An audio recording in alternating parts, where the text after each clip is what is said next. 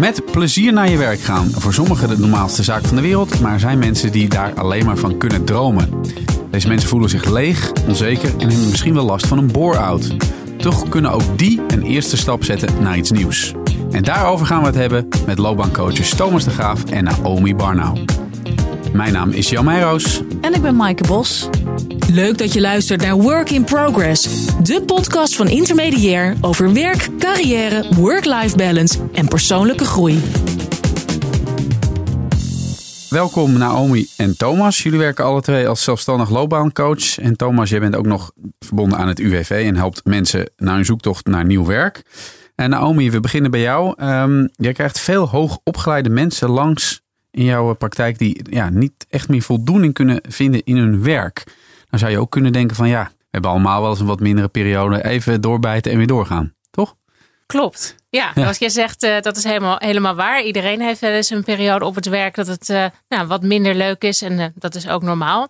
Alleen als die periode wat langer gaat duren, dan is er vaak meer aan de hand. En de mensen die bij mij komen en die dus de stap nemen om een loopbaancoach in te schakelen, die zijn vaak al best wel een tijd aan het doorbijten. En wat bedoel je met best wel een tijd? Is dat dan drie maanden een beetje minder of echt twee jaar of zo? Um, nou, een exacte tijd kan ik daar niet aan geven, maar het is uh, wel langer dan drie maanden. Zeker wel, ja. Ja, dat je echt denkt, dit duurt te lang. Dan zou je toch ook denken, ga gewoon wat anders doen? Ja, en uh, dat is vaak de vraag waar mensen mee komen. Wat is dat andere dan? Mensen hebben vaak uh, op dat moment eigenlijk niet echt goed een idee. Uh, wat dan wel bij ze zou kunnen passen en waar ze die energie, want daar gaat het over, ze krijgen geen energie meer van hun werk, waar ze die wel kunnen vinden. Ja, dat is natuurlijk zo. Ja, en we hebben het hier dus inderdaad over dat je door gaat werken zonder dat je er voldoening van krijgt. Hè? Want energie is ook zo'n moeilijke term. Werken is altijd op de een of andere manier vermoeiend. Maar het moet ook iets van een twinkeling hebben of iets van uh, betekenisvolheid hebben. En uh, ja, het kan heel slopend zijn als je dan maar doorgaat zonder die voldoening te voelen. Um, wat, wat, wat is dat dan? Kun je misschien iets zeggen over dat, het, het ultieme uh, de ultieme consequentie daarvan, dan zou je in een bore-out kunnen komen. Van geen voldoening, leegheid. Dat is wat anders dan burn-out, hè? Ja, dat is wat anders dan een burn-out. Maar de klachten die mensen kunnen krijgen, uh, bijvoorbeeld fysiek, die kunnen wel hetzelfde zijn als bij een burn-out. Wat ik veel zie bij mensen die uh, geen voldoening meer uit hun werk krijgen of zich vervelen op het werk, is dat ze ook ja, moe worden en, en futloos. En eigenlijk, uh, nou ja, kom ik weer met de term energie, geen, geen puff, geen energie ja. meer hebben. Maar, maar hoe kun je nou stress krijgen van verveling? Ja, kijk, het is misschien best lekker om een keer een, zo'n lummeldagje te hebben. Of misschien een lummelweekje, een keer een periode. Maar als dat echt langer duurt, dan is dat echt uh, dodelijk vermoeiend voor mensen. Mensen gaan zich nutteloos voelen en weten eigenlijk niet meer waarvoor ze het doen. En, en zijn ze dan ook heel erg aan het piekeren? Of is het eigenlijk een complete leegte? Beide zie ik wel. Het is ja. en het gevoel van leegte en het gevoel van nutteloosheid, maar zeker ook wel uh, het, het, piekeren. Uh, want wat ik vaak zie is dat mensen ja, heel onzeker worden over nou ja, waar ze nou eigenlijk goed in zijn, of wat ze kunnen, of wat voor betekenis ze aan hun werk kunnen geven. Ja. En dan komt ook dat gepieker. Ik kan me namelijk heel goed voorstellen als ik, naar, als ik in zo'n baan zit en mijn vrienden die maken een promotie of uh, die mogen voor hun werk naar China of uh, ze krijgen een nieuwe leasebak of zo. En ik zit maar elke dag dat werk te doen waar ik helemaal, uh, ja, waarvan van ik nu al op mijn horloge kijk van wanneer is mijn dag uitgezeten. Dan krijg ik, daar zou ik ook een beetje echt van krijgen, ja, de wereld draait door en ik niet. Wat moet ik nou? Wat moet ik nou? Dat. Ja, en jij maakt nu ook een punt. Ik hoor jou zeggen, ik zie van uh, als ik uh, collega's of vrienden zie die een nieuwe leasebak krijgen of en dergelijke. Wat ik heel vaak zie, is zijn ook mensen die een prima arbeidsvoorwaardenpakket hebben en juist nou, ik noem het maar een beetje gevangen kunnen zijn. In, een gouden kooi. In die oh, gouden ja, kooi, ja, inderdaad. Ja, uh, en die alsnog, zeg maar, ongelukkig zijn, zich vervelen, zich leeg voelen en geen voldoening krijgen van hun werk. Ja. Uh, waarmee je dus toch ook ziet dat, nou ja, het geld, de beloning of die auto niet altijd uh, even gelukkig maakt. Ja. Ja, Thomas, ja. Ja, nou ja, goed, dat is precies waar ik ook even op wil aanhaken. Dat, die, die gouden kooi. ik heb vooral veel ervaring met mensen die dat al een beetje achter zich hebben liggen. Die door, nou ja, dan wel, uh, uh, nou niet vaak eigen keuze werkzoekend zijn geworden. Dat is dan meer in de relatie tot de training die ik geef bij UWV. Um, en dan zie je inderdaad dat mensen heel lang inderdaad ge, toch wel ge, ge- nou, gekluisterd zijn bijna. Geketend. Ja, aan, ja, geketend aan de gouden kooi. Omdat je hebt toch je verantwoordelijkheden.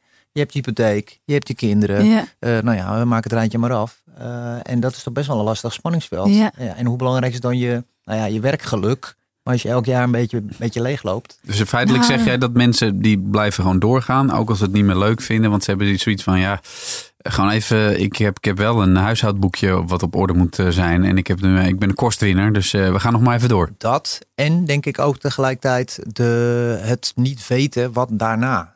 Eh, wat, wat dan wel? Ja, ja. En als je dat niet weet, dan blijf ik maar zitten. Ik maak nu even heel. eh, Ja, zeg het is maar, eh, simpel iets of niets dan, hè, denk je. En niet iets dus- en iets anders. En, en, en wat nu interessant is, eh, eh, om dan naar te kijken van wat kan je nou, welke invloed heb je dan wel om dat helder te krijgen, wat dan de volgende stap is. Eh, en dat zijn de mensen die, eh, ja, Naomi denk ik heel vaak eh, spreekt in de praktijk. ja. Ja. Nog heel even Ja. voordat we naar die volgende stap gaan.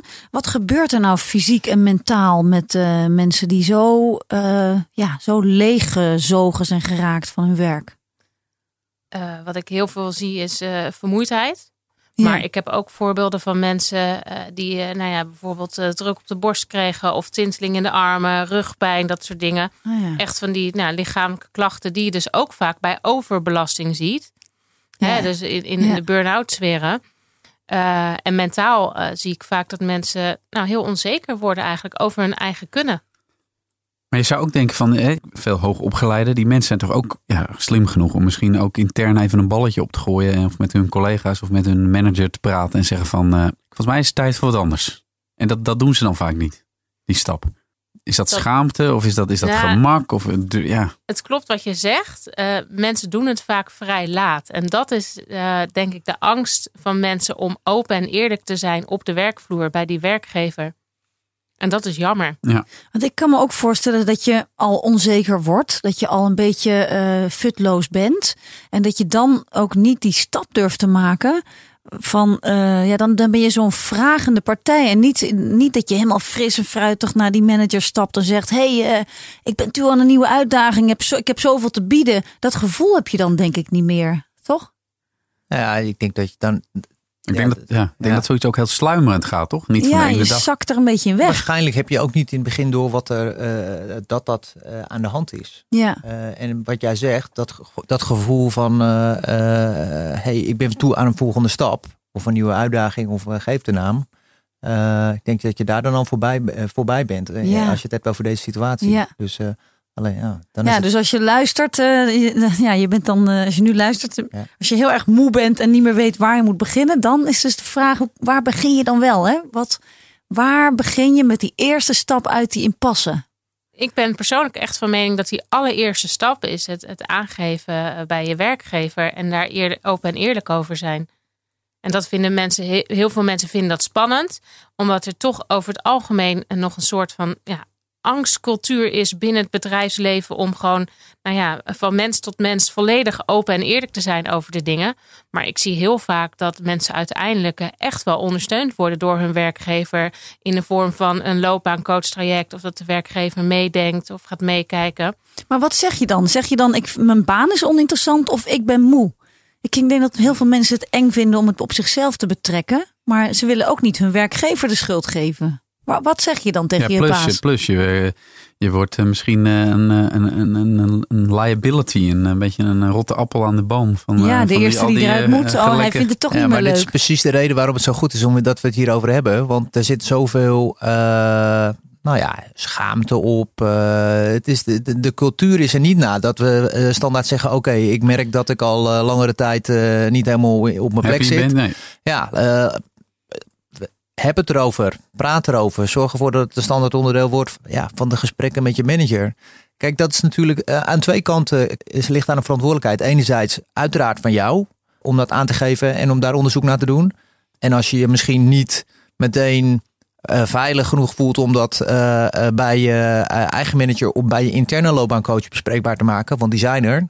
eh, dan zou ik zeggen, maak dan de eerste stap en kijk of je eh, eh, buiten je werkers met iemand kan praten. Als tussenstap. Gewoon om Ja, even de druk erachter af Met te een halen. vertrouwenspersoon. eh, Ja, bijvoorbeeld. Ik denk dat dat heel belangrijk is. Maak het bespreekbaar.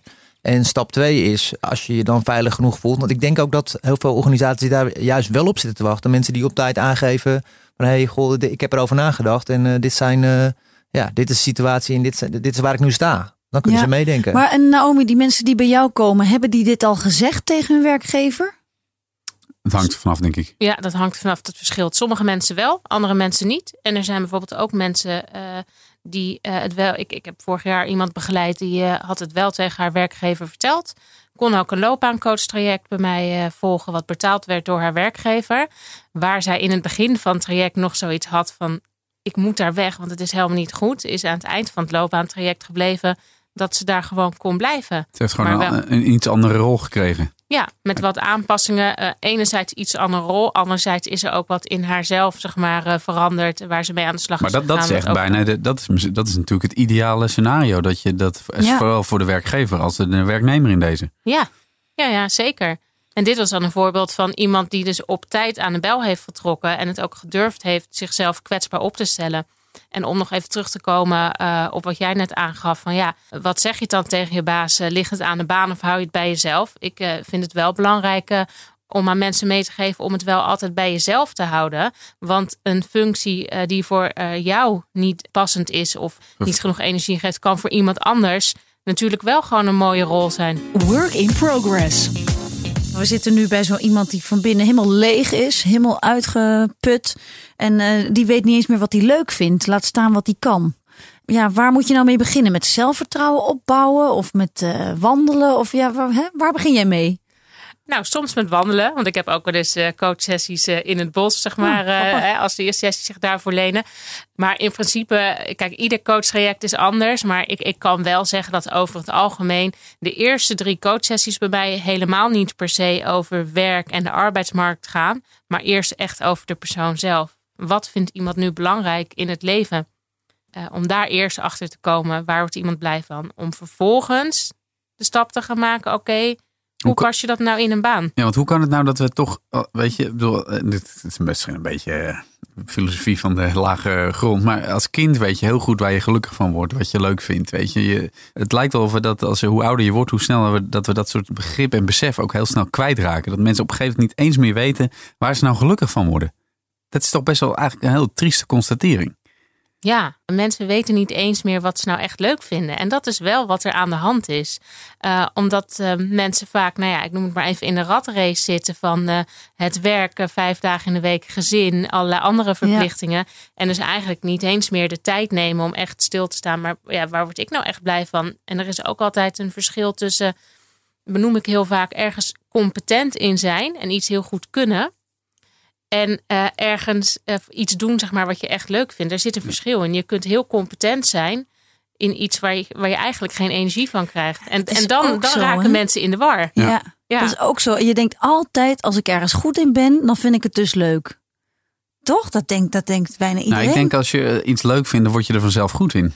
Nee, ja, ik zat vroeger op hockey en ik werd er nooit echt goed in, te technisch gezien. Maar ik kon wel hard rennen en ik vond het ook leuk. Dus soms dan is het ook leuk, terwijl je altijd de amateur ja, precies, maar je, je, hoeft toch ook niet, je hoeft ook niet per se uh, in het Nederlands elftal, toch? Meteen. Ja, nee, dat is nee. zo, ja.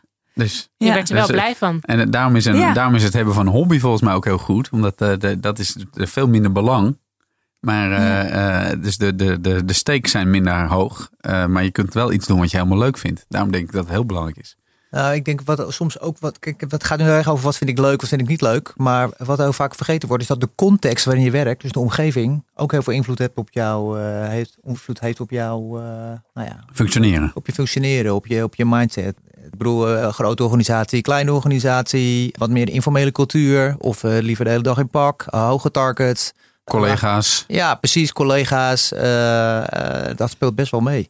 Bij sommige mensen zijn in een bedrijf begonnen met werken. En daarbij is die cultuur gaandeweg ook uh, veranderd. Dat kan natuurlijk ook. Ja, toch is het heel moeilijk als je stel dat je al tien jaar opgroeit in, uh, in een grote organisatie waar op zich veel mogelijk is, dan, dan is het toch heel moeilijk om te denken: ik ga hier weg. Ik ga naar een kleine club. Ik ga niet. Nou, wel als je, als je iedere dag uh, als een zombie ja. thuiskomt ja. en doodvermoeid op de bank. Ja, maar eigenlijk is het wel zo dat zeg maar, de, de fase waar u, wat u nu wat meer uitvergroten, uh, net even eigenlijk de, de, een stap te ver is. En ja. de meeste mensen zitten er net even voor. Die hebben af en toe momenten dat ze denken, ja, is dit er dan? Kijk, en iedereen heeft dat, zal het wel eens hebben. ja, Seven years een hele, itch of beetje de een 20 years schaal, itch. zeg maar. Ja, ja. ja. Dus Hoe krijg midlife je nou crisis. langzaam dat, dat vonkje weer terug? Kijk, de, de vraag is, eh, zit het in je werkomgeving, wat ik net zei? Of zit het in het werk wat ik doe? Maar soms is het ook gewoon dat er in je leven dingen veranderd zijn. Wat mensen niet erkennen. Zoals? Maak ik ook wel eens eh, mee. Kinderen krijgen is iets. Voor kinderen, na kinderen. Ja. Dan kan de situatie ook anders worden van wat heb je dan nodig. Dus te maken een goede, ja dat klinkt heel klinisch, maar met, met iemand een analyse van wat is er nou eigenlijk aan de hand? Wat is er echt aan de hand? Dat is het startpunt. Ja. Ja. Ja. dat zeg jij ook, hè, Naomi. Van de eerste drie sessies gaan over van eh, wa- wat speelt er nou in je leven? Wat vind je waardevol en wat is er allemaal? En hoe begin jij dan met dat eerste vuurtje weer op eh, Te poken. Ja, Op zo'n- te Poken. poken. op te poken. Nou, ja. dan eh, in die Ja. as, toch? Dat begint denk ik met dat mensen de noodzaak voelen en gemotiveerd zijn dat er wat moet gebeuren. En wat ik ook vaak zie op het moment dat mensen een stap zetten, en dat begint soms al puur met alleen een eerste afspraak maken met een coach, dat er dan eigenlijk ook al nou ja, be- dingen beginnen te lopen, dat er dan al beweging komt. En, maar ehm, wat, wat, wat dan? nou, mensen eh, krijgen de ruimte zeg maar, om verder te kijken. En die, eigenlijk gaan die oogkleppen dan af. Ja. En eh, de deur wordt lang niet altijd eh, gelijk dichtgegooid ergens anders. Maar ik vergelijk het er wel een beetje mee. Als je ergens een deurtje dicht doet, gaat er wel een ander deurtje open. Waardoor ja, er weer nieuwe mensen vaker weer nieuwe kansen en mogelijkheden zien. Ik had zelf ook een coach een aantal jaren. En die sprak ik één keer per half jaar. Ah, het was prettig om te weten dat ze er was. Hm. Eh, en het moment dat ik het, nou ja, dat mijn bakje even vol zat, dat is een beetje mijn metafoor. En met wat het dan ook was. Op het moment dat ik dan besefte van, hé, hey, eh, dat, dat is dus de urgentie. Op het moment dat ik daar dan contacte om even een afspraak te maken. Ja, was de helft van de druk alweer eraf. Oh ja. Want het hoeft niet vaak een ultieme oplossing in, in de vorm van een hele nieuwe baan te zijn. Ja. Maar het gaat er ook om dat je beseft van... hé, hey, ik heb een tijdje lang niet naar mezelf geluisterd, om maar even zo te zeggen. Het feit dat je daar dan dat je een afspraak maakt... is dan een signaal dat je tegen jezelf... hé, hey, Ja. ik, ik, ik ben belangrijk, ik doe er toe. Nou, ik, Ja. ik hoop eigenlijk van Naomi misschien een voorbeeld te horen. Ja, kun je daar concreet iets over zeggen? Van hoe ging dat nou bij die ene persoon? Dat was een dame die, eh, die kwam bij mij en die zat in het communicatievakgebied. En die kwam eigenlijk bij me van ja, ik, weet het allemaal niet meer. Ik eh, ben een communicatiedeskundige en ik vind mijn vak eigenlijk helemaal niet meer leuk, denk ik. En ik, ik weet het eigenlijk niet zo goed meer. Geen idee, maar ze kwam ook binnen bij mij met het beeld van ik ga totaal wat anders doen. En ook bij haar was het zo dat aan het eind van het traject dat wel duidelijk was dat ze in dat vakgebied bleef. Ehm, en ehm, bij haar was het geval dat ze nou ja, het communicatievakgebied is dan ook wel redelijk breed, zeg maar. Maar dat ze helemaal geen zicht meer op had welke facetten van haar vak ze nou eigenlijk heel erg leuk vond. En daar zijn we heel erg mee aan de slag gegaan. Van oké, maar waar word jij nou wel blij van? En wat voor mogelijkheden zijn er nog meer in dat vakgebied? Hm. En op het moment dat mensen dat weer zien, dan kunnen ze ook weer, zeg maar, nou ja, dat, dat vuurtje gaan voelen eh, en eh, nou ja, de mogelijkheden zien. Ja, en ik heb ook, ehm, dat is een aantal maanden geleden, een jongen in mijn praktijk gehad die eh, best wel een, een specifieke studie had gedaan op het gebied van iets van milieutechniek-achtig en die uiteindelijk, zeg maar, nu eh, als recruiter aan de slag is. Oh, dat is wel heel wat anders. Ja, Terwijl je toch in, de, in die techniek heel veel banen hebt. Ja. Maar kennelijk vond hij daar gewoon niks wat hem eh, wat leuk was. nee, uiteindelijk niet. En eh, dat, dat is dan heel moedig, zeg maar, als Ja. iemand eh, nou, op die manier, zeg maar, eh, met zijn loopbaan aan Ja. de slag gaat. En nou, en nou zijn er natuurlijk ook mensen die, ze- die in een bepaalde fase zitten van hun leven. Die hebben jonge kinderen en eh, die hebben zoiets van, nou weet je, ik vind mijn, mijn sociale leven hartstikke leuk. En ik vind het leuk om bij mijn opgroeiende kinderen veel te zien en eh, daar eh, van alles omheen te bouwen. En ja, we werken is meer een soort noodzakelijk kwaad tussen haakjes en die betaalt de rekening en ik vind het allemaal wel prima. Ja, Maar ja, dat is ook gevaarlijk. want stel je voor dat je denkt, ja, ik wacht tot mijn kinderen tien zijn en tot die tijd eh, Ja. draai ik op halve kracht door. Ja, dan ben je op een gegeven moment 45, 50 Ja. en dan denk je, ja, ik heb helemaal niks aan Nee, ontwikkeling dat hoeft, gedaan. dat hoeft ook niet hè, per se. Maar ik laten zie we onszelf Naomi ook heel allemaal... hard eh, nee knikken. Nee, dat vind, ik, dat vind ik echt zonde. Want ik denk ook, eh, natuurlijk is het zo, zeg maar, dat hè, de schoorsteen moet roken eh, en dat soort dingen. Dus dat, eh, dat is belangrijk. En je kan niet altijd, zeg maar, het werk doen uit je dromen. Absoluut niet. Maar ik ben er zelf wel van overtuigd dat er voor iedereen werk in het verschiet ligt. nou, wat voor op zijn minst 70% bij die, diegene zijn talenten en zijn behoeften, zeg maar, kan passen.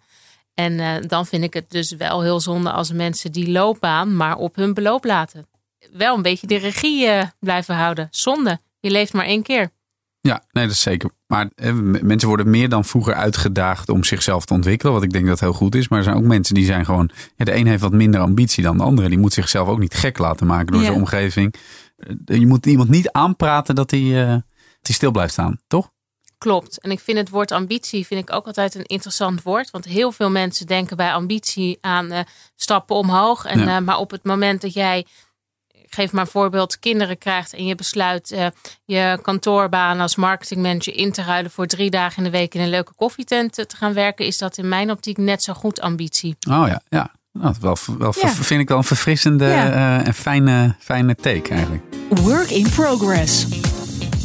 Stel, je, eh, mensen hebben op een gegeven moment toch weer die hernieuwde energie gevonden. Ze zitten weer lekker in hun vel. Eh, hoe zorg je er dan voor dat je toch weer misschien niet in die oude gewoontes eh, valt en, en, dat dat vuurtje aanblijft? Ik denk dat het heel erg belangrijk is om bij jezelf goed in de gaten te houden. Ga ik nog, wat is het? Ik noem even wat hoor, 80% van de tijd met plezier naar mijn werk. Ja. En op het moment dat jij op zondagavond denkt, "Ah, ik, ik heb geen zin om maandag, te werken. En dat gebeurt een aantal keer achter elkaar. eh, wel te raden gaan van, hé, hey, waar ligt dat dan aan? Ja. En, dat- is belangrijk. En eh, het gaat er eigenlijk over continu eh, nou, bij jezelf blijven en kijken van wat vind ik leuk, word ik hier nog blij van en voldoet dit zeg maar aan hetgeen ja, wat, ik, wat bij mijn ambities past. Ja, en daar, Dus- de, en daar de tijd voor nemen. Want dat is wel zo dat het, het klinkt natuurlijk allemaal heel makkelijk. Nou, dan ga je naar een loopbaancoach toe en dan ga je daarmee aan de slag.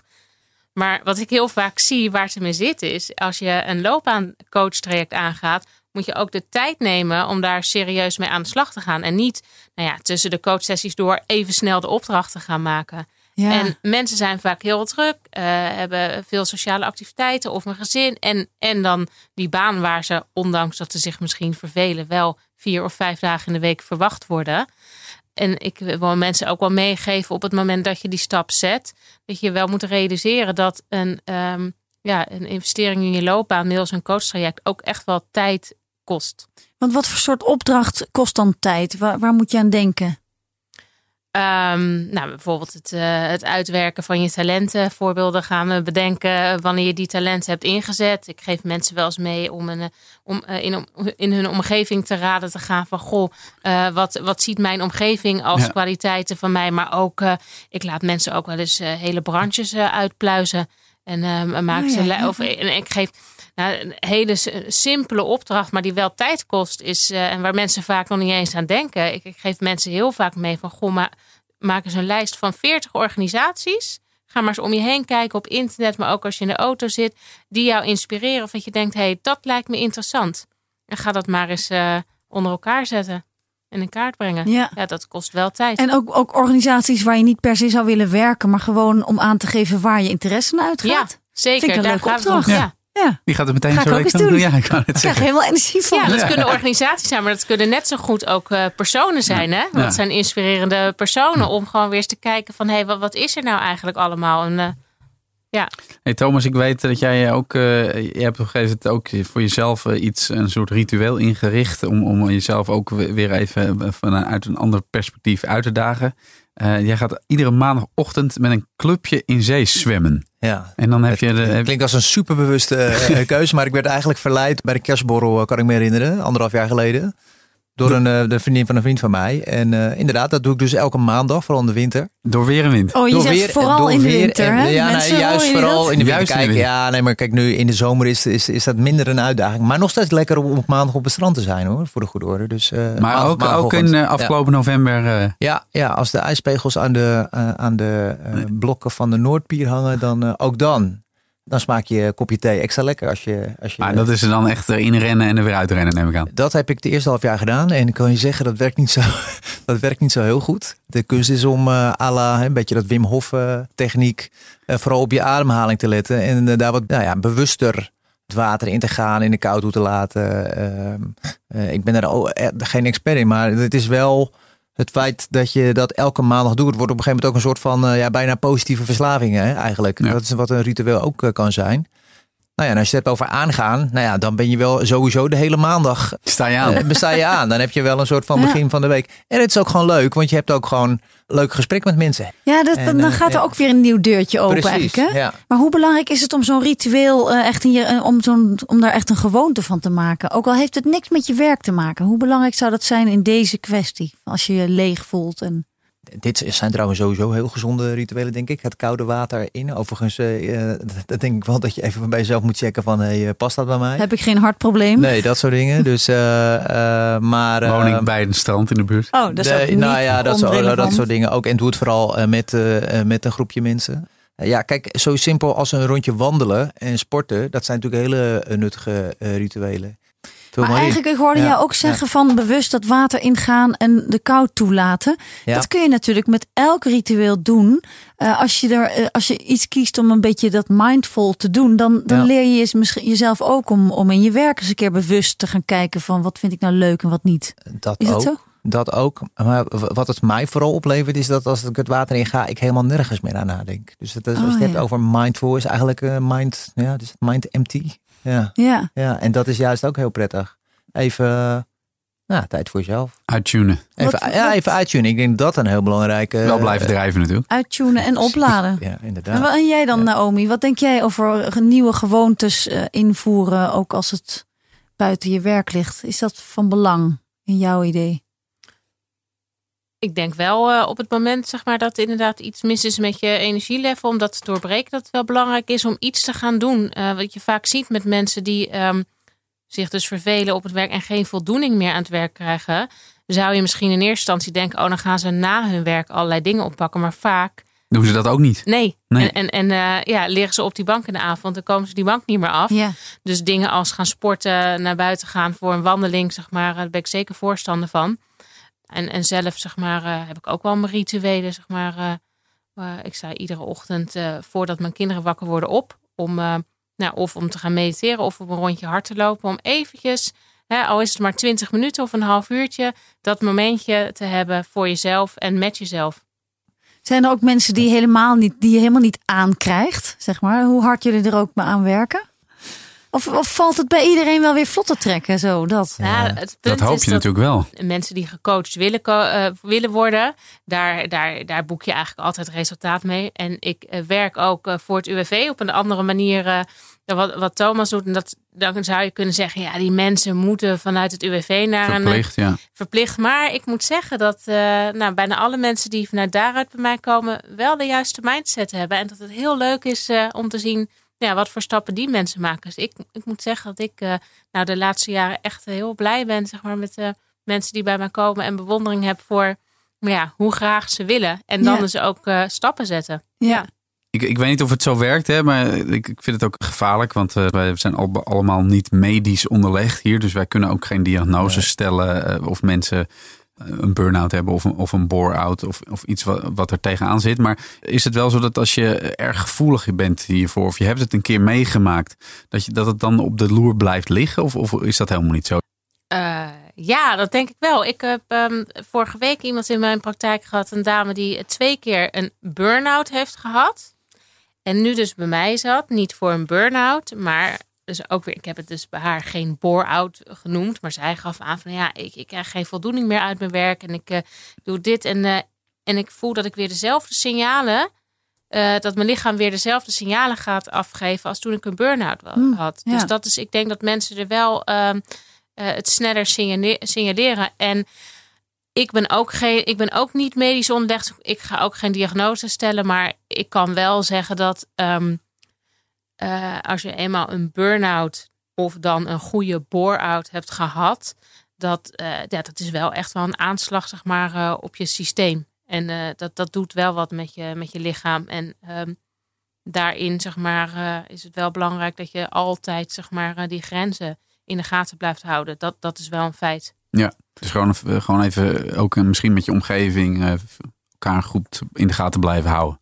Ja, Ja, Thomas. Ja, ik, als je enigszins ook fysieke klachten hebt, of wat voor klachten dan ook. Kijk, we hebben het natuurlijk nu heel erg over een loopbaancoach. Maar dat het ook minstens net zo belangrijk is om te beseffen dat de eerste stap vaak ook een afspraak maken is met de huisarts. Ja, Nou, Ja. In mijn ervaring is dat mensen echt heel lang wachten in de breedste zin met überhaupt erkennen, oké, nu moet ik een afspraak maken. Ja. Eh, en als het al, al fysiek is, kijk, idealiter daarvoor, als je daarvoor zit, zou je misschien kunnen zeggen, joh, ik, ik- dit is een vrij mentaal iets nog, dan heb je een gesprek met een coach. Op het moment dat het echt fysiek wordt, zou ik eh, toch ook willen adviseren om dat eh, Ja. eh, zeker te doen. Ja. Zeker, goede opmerking. Ja, oké, nou dan gaan we afronden. Naomi en Thomas, bedankt voor jullie komst naar de studio. En eh, nou, ik denk dat één ding wel duidelijk is: dat we altijd op zoek moeten blijven gaan naar het vlammetje in onszelf. Leuk dat je luisterde naar Work in Progress en tot de volgende aflevering. Dag!